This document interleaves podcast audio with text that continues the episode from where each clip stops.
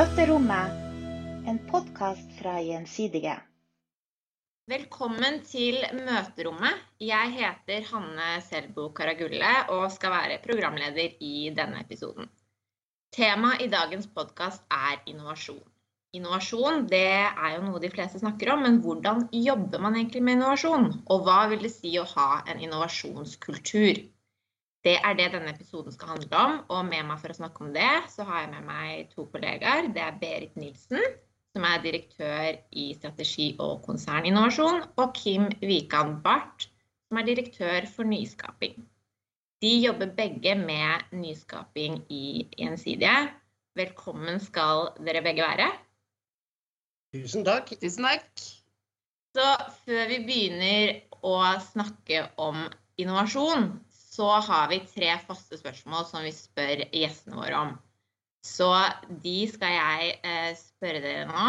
Er dere klare? Eh, kanskje. ja. Jeg spør dere annenhver gang, så dere ikke behøver å svare på eh, de samme spørsmålene. Så vi tar deg først, Berit. Hva var det første du tenkte på da du så deg selv i speilet i dag morges?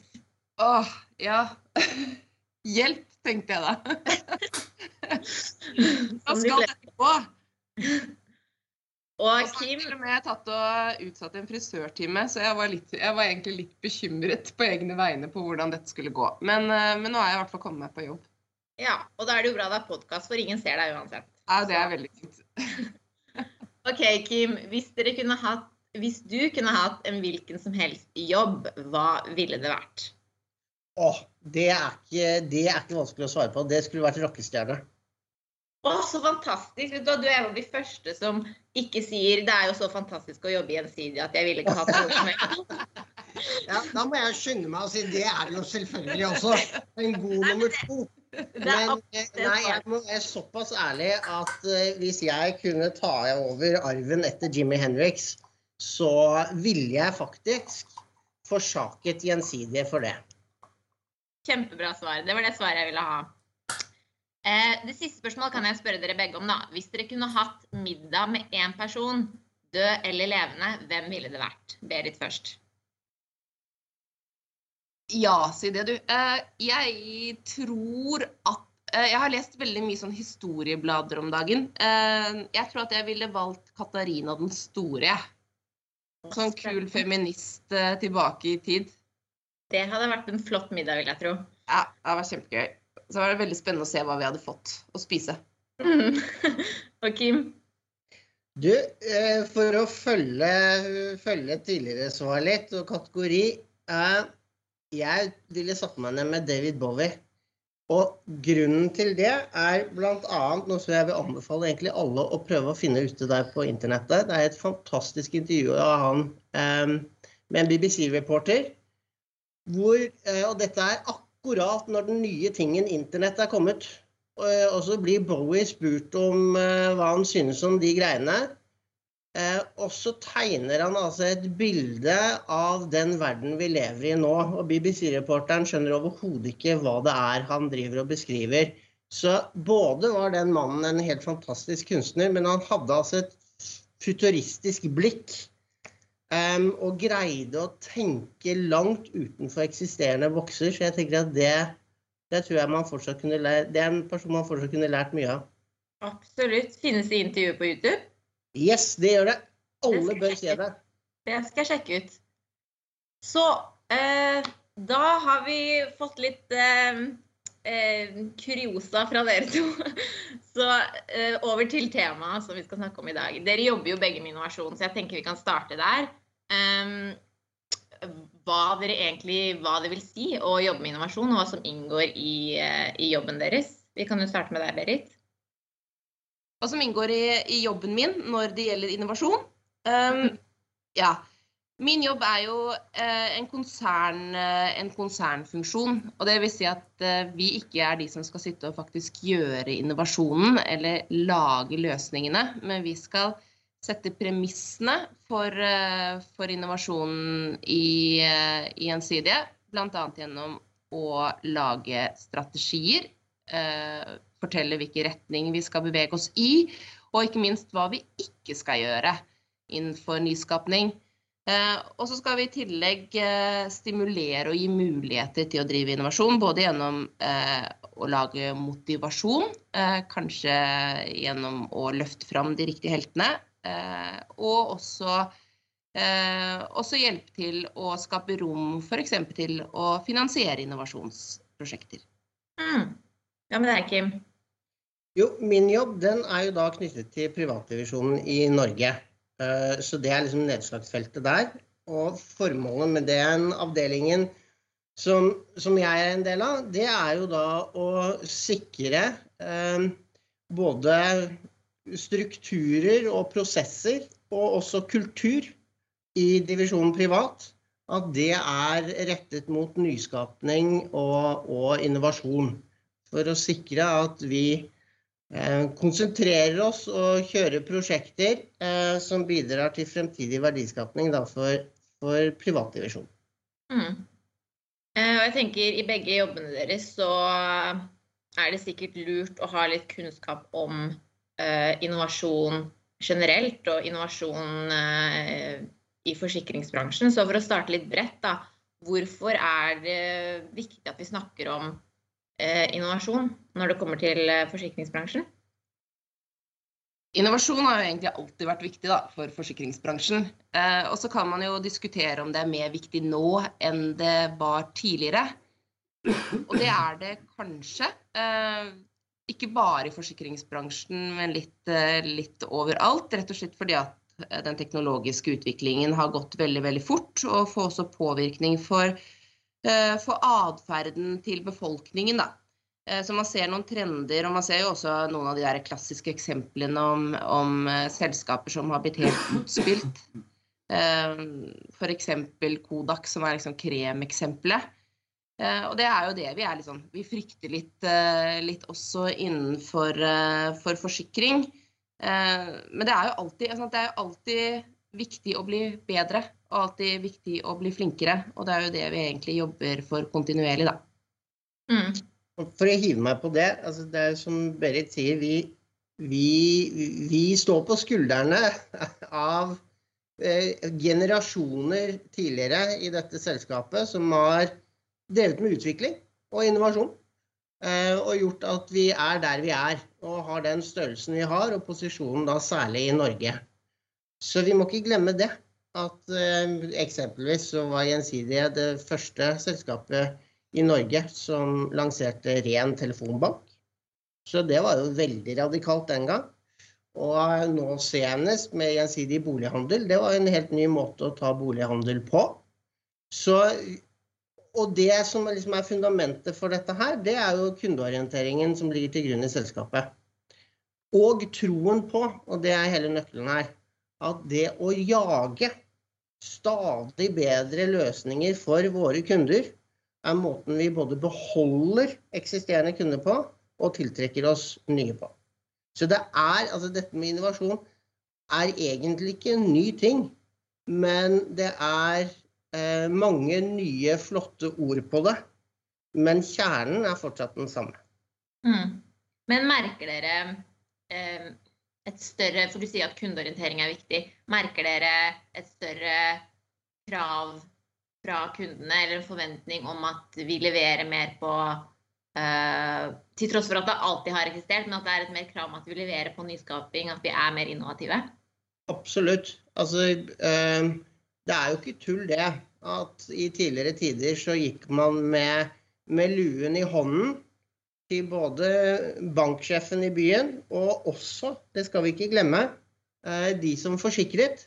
For det var også en forutsetning for å kunne etablere næringsvirksomhet. Og så ba man veldig pent om de kunne være så snill å gjøre dette. Sånn er det ikke lenger. Altså maktbalansen er heldigvis snudd. Og vi lever på kundens nåde. Ehm, Så den bevisstheten, eh, den har forsterket seg veldig i vår bransje. Også hjulpet av andre eh, hva skal vi si, selskaper utenfor kategorien som har dyttet på oss. eh, Og presentert løsninger som er mer kunderettet enn det kanskje de klassiske løsningene i bransjen har vært. Så dette er, maktbalansen er heldigvis snudd til kundens fordel, og vi har å svare opp det. Er Mm. du ikke enig i det, Berit? Jo, veldig bra. Og så har vi jo, som Kim sier, jobbet med det ganske lenge. Og vi har jobbet med digitalisering av løsningene våre f.eks. Eh, både innenfor salg og innenfor skade, som er kjempesentralt eh, for gjensidige. Og nå må vi kanskje ta det ett skritt videre og bli enda mer systematiske i hvordan vi faktisk kommer helt nye løsningsforslag for kunden. da. Mm. Um, og dere sier jo at vi har holdt på med innovasjon hele tiden, og Gjensidige har hatt um, mange innovative ting knyttet til forsikring.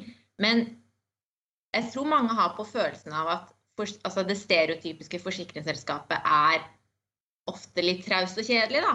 Uh, altså hvordan på en måte imaget vårt er utad. Og innovasjon er kanskje ikke det første man tenker på når man tenker forsikring. Hvorfor er det sånn, tror dere, og hvordan kan vi bidra til å på en måte endre den oppfatningen av bransjen vår? Nei, og det er nok eh, som du indikerer, det har nok mye med kommunikasjon å gjøre. fordi at når vi, De av oss som er på innsiden, vet at det ikke er sånn. Eh, og det er tidvis ganske frustrerende at, at eh, hva skal jeg si, nyutdannede ikke fullt ut forstår eh, mulighetsrommet og, og spennet som ligger i, i skadeforsikring. Én ting er da denne samfunnsfunksjonen vi har, og at vi er, en, vi er helt eh, sentral i å få dette samfunnet til å tikke og gå. Hvis vi i tillegg nå doserer inn nye elementer som f.eks. bærekraft, og hvilken rolle vi vil ha i å eh, etablere et bærekraftig samfunn, og hvordan vi kan påvirke også politiske myndigheter, så er det klart at det burde være et kraftsentrum, eh, skadeforsikring. Og det burde, til, burde, absolutt tiltrekke seg de beste hodene. Og når du doserer inn at vi er midt i en digitalt paradigmeskifte, så burde jo alle ingeniørene og teknikerne de burde jo løpe til oss og ikke til andre kategorier. Så vi må rett og slett bare være flinkere til å fortelle den historien eksternt. Og fortelle at at bredden av kompetanser da, som vi er helt avhengig av å ha inhouse for å kunne levere de verdiproposisjonene som vi gjør i dag, og også og fremover. Mm. Veldig bra svar, Kim. Nå ble jeg så mye klokere. Um, nå skal vi litt inn på det uh, innovasjon innad i Gjensidige, hvordan vi jobber med å, å skape innovasjon her. Da. For Berit, um, det handler jo om å legge til rette for nyskaping, og det snakkes jo mye om å skape en innovasjonskultur i Gjensidige. Um, hvordan skaper man det? Da tenker man ganske bredt. Og det ene er jo å legge til rette for mulighetene, som du sier. Og så dreier det seg også om å drive innovasjonsprosjektene eh, profesjonelt. Og når, som Kim var inne på et sted, så bruker vi nå mange fancy og fine og nye ord på, på ting vi har jobbet med lenge. Eh, men det er jo også noen nye måter å jobbe på, også for gjensidig, da. Eh, I forhold til hvordan, eh, hvordan vi jobber. Og da er det selvfølgelig også viktig for oss å, å spre det glade budskap når vi, når vi ser hva fungerer for gjensidige. Hvilke metoder er det som fungerer for gjensidige? Og hvilke suksesshistorier er det vi har? Og også hvilken læring er det vi har tatt med oss underveis. For vi kommer til å feile mye her, for vi skal gjøre ting som er usikkert. Eh, og lene oss litt frem. Eh, og da, det, da, må vi passe på at vi, eh, vi sprer kompetansen og, og, læringen på tvers av selskapet. Og så kan sikkert Kim si noe mer om akkurat hvordan vi jobber med innovasjon, og hvordan metodene er vi tenker, tenker, å jobbe med videre og fremover. Ja, altså vi ja, vi må få innovasjon tydeligere inn som en integrert del av våre strukturer og prosesser. Og det er, en, det er en måte å få det til å prege og kjennetegne kulturen vår sterkere. Så det er på metoder og verktøy. Men vi, vi, må nå et nivå hvor vi ikke blir så opptatt av verktøyene. Fordi verktøyene, selv om de er eh, tilrettelagt for å gjøre det enklere for oss, så kan man også bli litt fanget av verktøyene. Så vi skal, vi skal komme på det nivået hvor vi mestrer verktøyene så godt at vi vet hvordan vi skal sjonglere de, og bruke de i ulike deler av prosessen. Så er det også viktig eh, det som det går på det organisatoriske. Altså at til, til det å jobbe effektivt med innovasjon, så krever det et annet type lederskap. Altså Myndighet må ligge mye tettere på gruppene som utvikler. De må ha handlingsrommet, oppleve tilliten til seg og en trygghet rundt seg. Og ikke eh, overvåkende sjefer, men rett og slett for at vi skal fremelske dette som går på eksplorering, at man ikke blir hemmet av det. Og så skal korreksen vår være der ute i markedet, ikke internt. Nemlig at eh, testing med kunder er måten vi skal kvalitetssikre at vi treffer skiva og lager ting som har en, en, eh, en leverett der ute i markedet når de er ferdige. Og så er det ett viktig poeng til, bare sånn at vi ikke snubler i det, for innovasjon er et så stort begrep. Eh, og det er lett å tro at det bare handler om disse enorme sakene, som f.eks. en telefonbank på, på 90-tallet eller 80-tallet. Eh, det, det er jo i stort og smått. Så innovasjon kan også være mindre ting. Men det er jo det å gjøre noe på et litt annet vis enn det vi har gjort før, med en tydeligere og bedre verdiproposisjon til kundene. Ja. Og, det, ja, og det tror jeg er utrolig viktig å bare påpeke ekstra sterkt. For den ordentlige kraften i hvordan vi utvikler oss som selskap, det ligger egentlig i det hver enkelt medarbeider gjør hver dag for å prøve nye ting. Eh, og se hva som fungerer, og hva som ikke fungerer. Og poenget til Kim i forhold til ledelse er helt, helt sentralt. Da trenger du trygge og gode ledere som tør å slippe medarbeiderne sine litt fri til å kunne teste litt nye ting. Så en medarbeider det tror jeg er veldig, ja, som dere sier, veldig viktig å påpeke at en medarbeider trenger ikke å være en del av et stort og fancy innovasjonsprosjekt for å føle at han eller hun er en del av eh, en innovasjonskultur. Absolutt ikke. Altså, eh, det, dette med innovasjon det er eh, et felles ansvar og eh, noe som alle medarbeidere i Gjensidige skal oppleve et eierskap til og deltakende i. Mm. Men eh, Dere var jo litt inne på det. Men eh, hvordan skal man passe på da at eh, den, de nyskapingsprosjektene som vi har, da, eller det vi holder på med for å skape mer innovasjon, eh, at det har en verdi, og at det ikke på en måte bare blir et eh, jag etter nyvinninger. Du var jo litt inne på det, Kim, men kanskje du kan, har du noen flere tanker om det? Jo, eh, det er at vi skal være uhyre strenge med oss selv med hvor vi starter hen. Og vi skal alltid vi skal aldri, for, å, for, å bruke en parallell, vi skal aldri bli fascinert av ny teknologi og så tenke hvordan kan vi bruke den? Vi skal starte med kundeproblemer eller jobber som, kunden, som vi ser at kundene trenger hjelp til. Og så handler prosessen om å finne løsninger for hvordan vi kan løse de problemene eller jobbene på et best mulig og mest effektivt vis. Og i det så vil ofte teknologi være en bestanddel.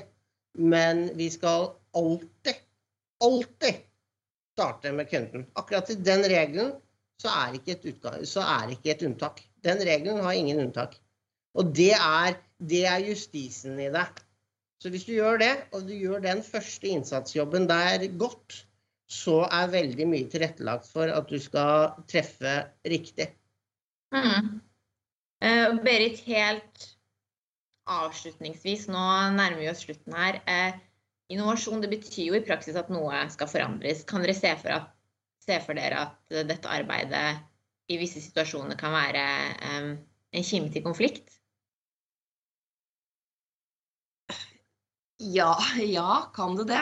Eh, altså, hvis vi gjør det på en riktig måte, så tenker jeg at eh, eh, At det ikke vil være en kime til konflikt. Da. Eh, for som Kim sier, altså, det er ufravikelig at kunden på en måte skal stå, stå først, og deres behov. Eh, men i prosessene som vi legger opp til, så, eh, så skal vi også finne løsninger som, som fungerer for kunden. Nei, fungerer for oss, altså er lønnsomme for oss. Og som vi er sikre på at vi klarer å bygge Men det er klart det vil alltid være prioriterings, eh, prioriteringsavveininger. Eh, fordi at vi har en viss mengde kompetanse innad i selskapet, og de er nødt til å brukes på den best mulige måten. Og det er klart at, at der vil det kunne, kunne være konflikter eh, noen ganger mellom hva konsernet som sådan mener, og hva de enkelte miljøene mener. Og da må vi bare prøve å manøvrere så godt vi kan innenfor, innenfor det domenet. Og så er det jo sånn at innovasjon er jo i seg selv da, litt sånn iboende usikkert. Fordi at vi skal komme med løsninger som ikke eksisterer, og kanskje ikke engang kunden visste at de har behov for. Um, og da må, vi, da må vi tåle uh, å feile. Uh, og vi må tåle å, å, legge til side prosjekter som vi egentlig hadde veldig lyst til at skulle lykkes, men som, som ikke har livets rett. Og for å hygge meg på det, altså, for det er kjempeviktig Vi skal ikke være redd for diskusjonene. Altså, det må vi tillate, de, og, det har vi alltid hatt i selskapet. At vi har diskusjoner og brytninger. Det skal vi også ha i innovasjonsarbeid. Selv om vi gjør veldig god eh, innsats tidlig i fasen og definerer jobben til kunden osv., så, så vil det være ulike perspektiver inn på løsningsutvikling. Og det vil være ulike perspektiver på hvordan vi skal prioritere ting. Og det skal vi aldri være redd for. Det er bare konstruktivt. Men det er klart at hvis sånne diskusjoner får et politisk tilsnitt og sånne ting, så er det en helt annen ballgame. Men diskusjoner for å kloke hverandre opp, det er fremtiden. Ikke være redd for å feile og tørre å ha diskusjoner. Det syns jeg er en, en, god avslutning på denne innovasjonspodden. Berit og Kim, tusen takk for at dere tok dere tid til å være med på møterommet. Tusen takk. Tusen takk.